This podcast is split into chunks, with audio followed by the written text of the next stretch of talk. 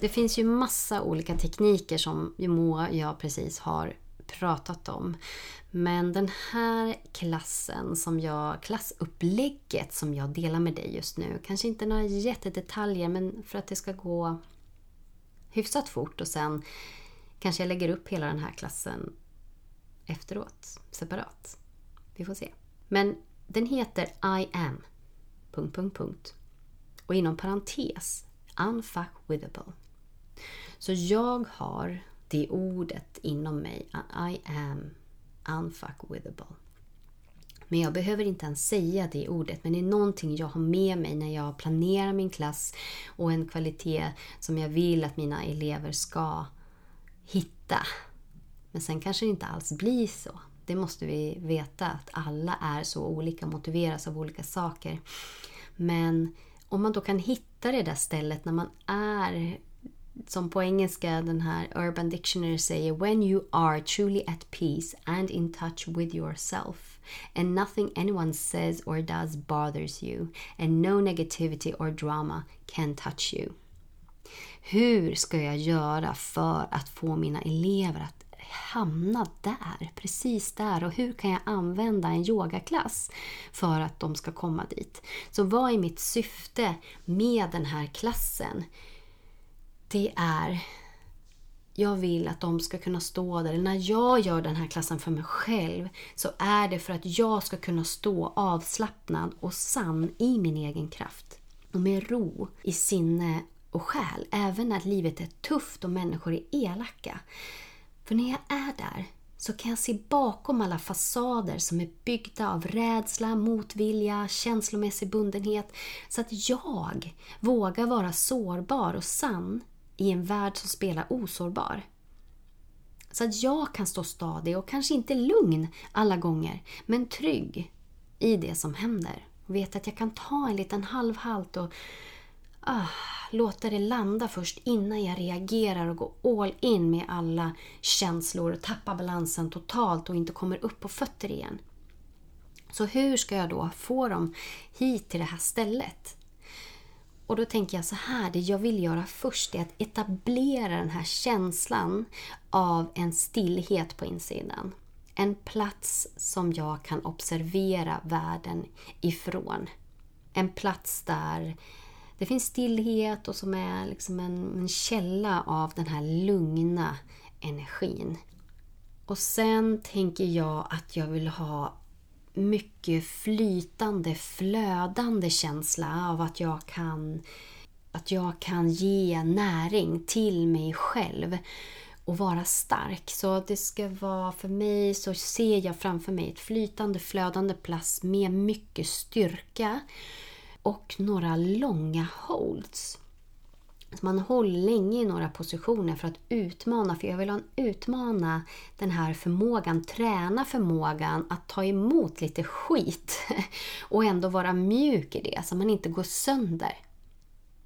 Så att träna på att kunna slappna av och, och bli mjukare och hitta flow. Så då tänker jag också att en balans, att hur, hur, ska jag kunna träna på att tappa balansen och ändå komma tillbaka? Tappa balansen och komma tillbaka. Så då är balanspositioner bra att stoppa in. Och någon utmaning så att man kan få känna sig unstoppable. Så mina hur är etablera en känsla av stillhet och ro inom mig. Eh, flytande, flödande kraft och en förmåga att mjukna i det tuffa och komma tillbaka när jag har tappat balansen. Så hur ska jag då kunna göra det här? Ja, jag väljer en pik som är ganska svår. Den har balans, den har Det krävs styrka och det krävs flexibilitet. Och naturligtvis så kanske inte alla kan göra hela den här fulla posen men då får jag anpassa det i progression i mitt pass.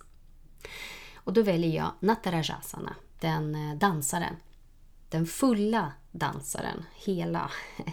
Den eh, svåraste varianten av den positionen är ju själva piken då, när man tar tag i foten där bak och vänder upp armbågen uppåt och tar tag i foten med handen och kanske den andra handen också. Nu är det kanske 1% utav dina elever eller ingen procent som kan, som har den fysiska förmågan att göra det här. Och det kan bero på många olika saker men även att skelettet helt enkelt inte, att du har inte den förmågan till backbend som eh, bakböjning som behövs för att kunna göra den här positionen. Men du erbjuder progression och är du då så lycklig att du har ett bälte där du undervisar så är det otroligt bra att använda bältet för att göra den här positionen tillgänglig för de allra, allra flesta. Så det är ett tips till att ha bälte och finns det inga såna här fina yogabälten så funkar det med sjal, det funkar med skärp, det, man får vara kreativ.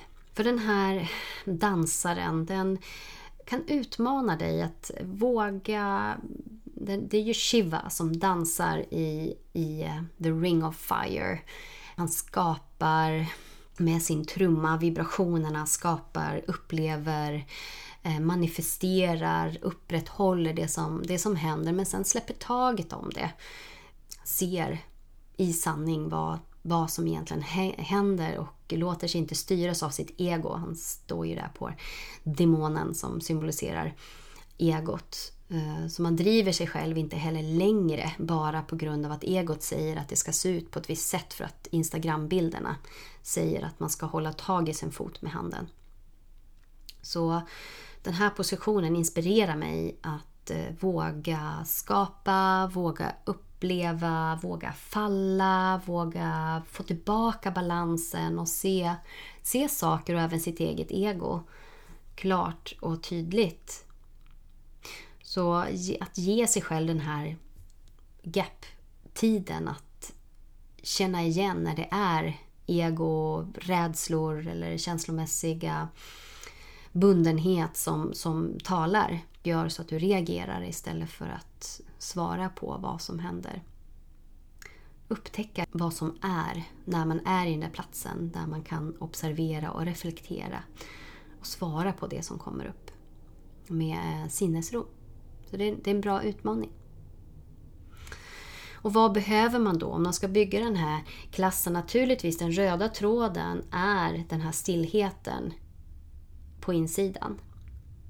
Men sen behöver du fysiskt då också förbereda kroppen för din peakposition om du har valt en peakposition, i det här fallet Natarajasana.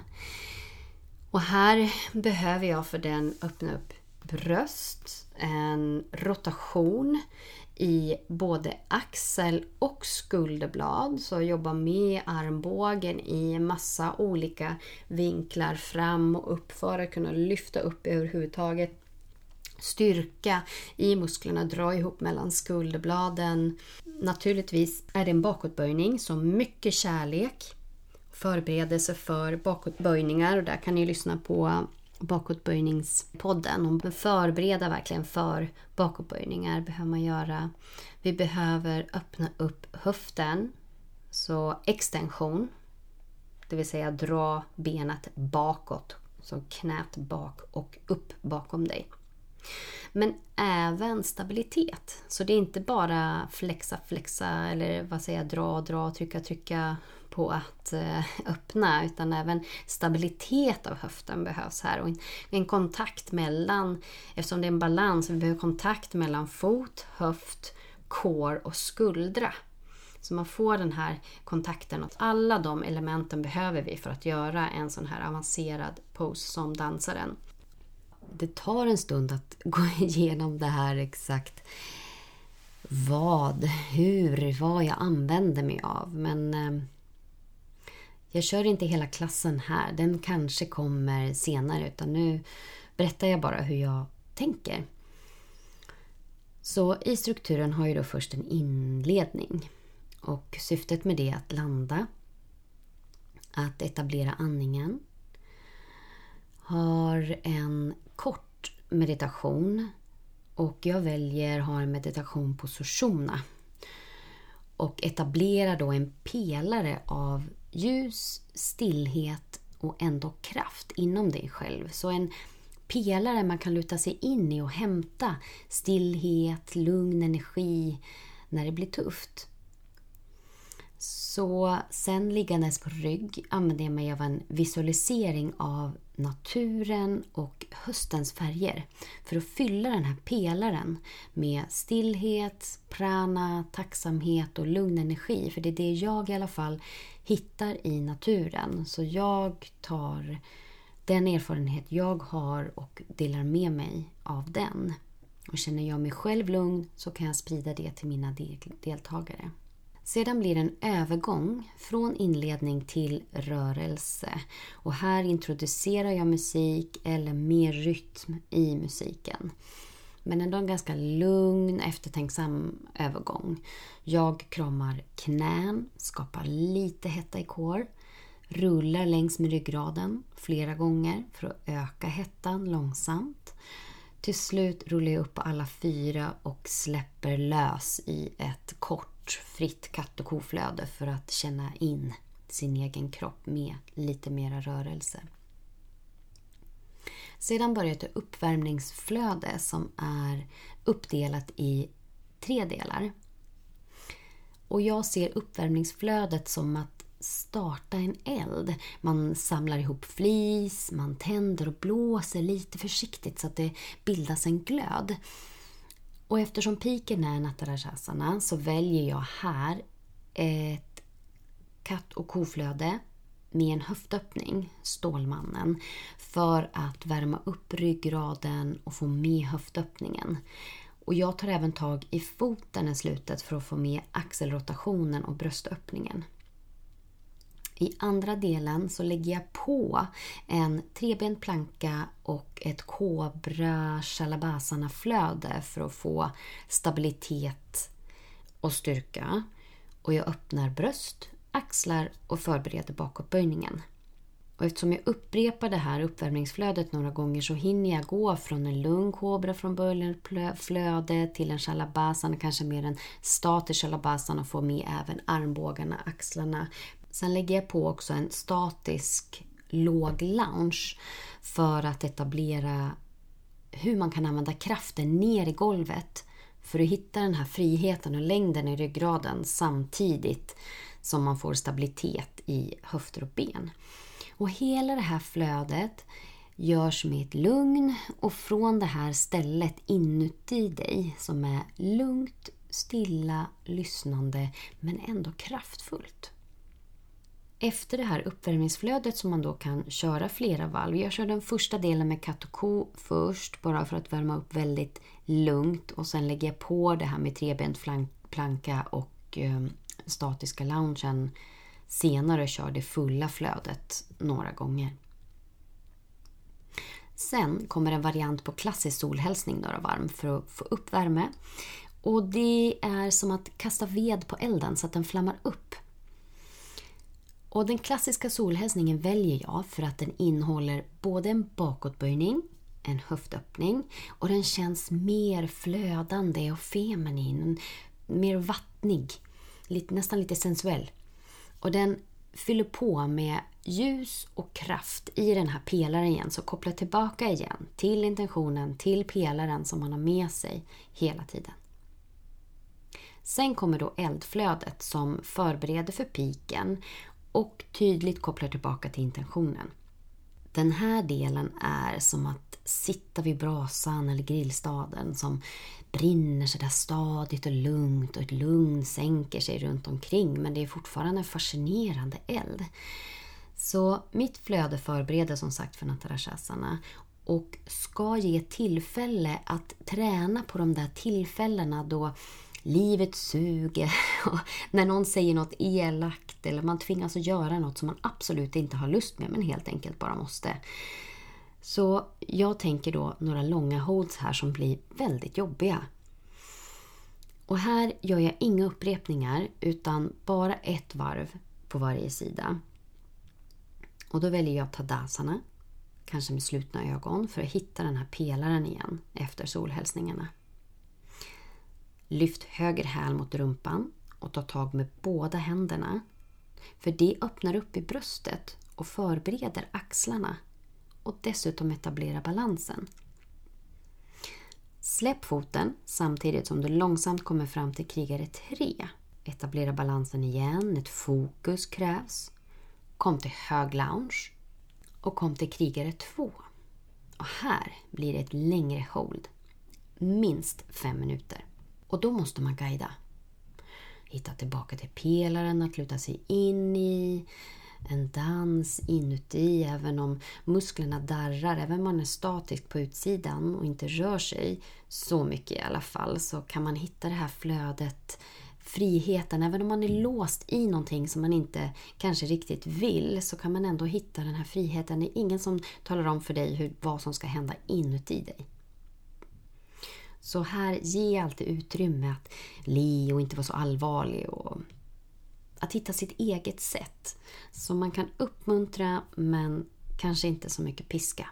Och det är de här längre holdsen som man verkligen får träna på att hitta den här ah, känslan av att även om det är jobbigt så, så kan jag hitta flöde och lugn inuti mig ändå. Jag kan se igenom det som händer utanför. Sen Äntligen efter den här långa, långa holden får jag komma till en Parsvakonasana, en sidovinkel. Dels för att det känns naturligt efter krigare 2. Höften är ungefär i samma vinkel och det är skönt efter ett långt, en lång hold.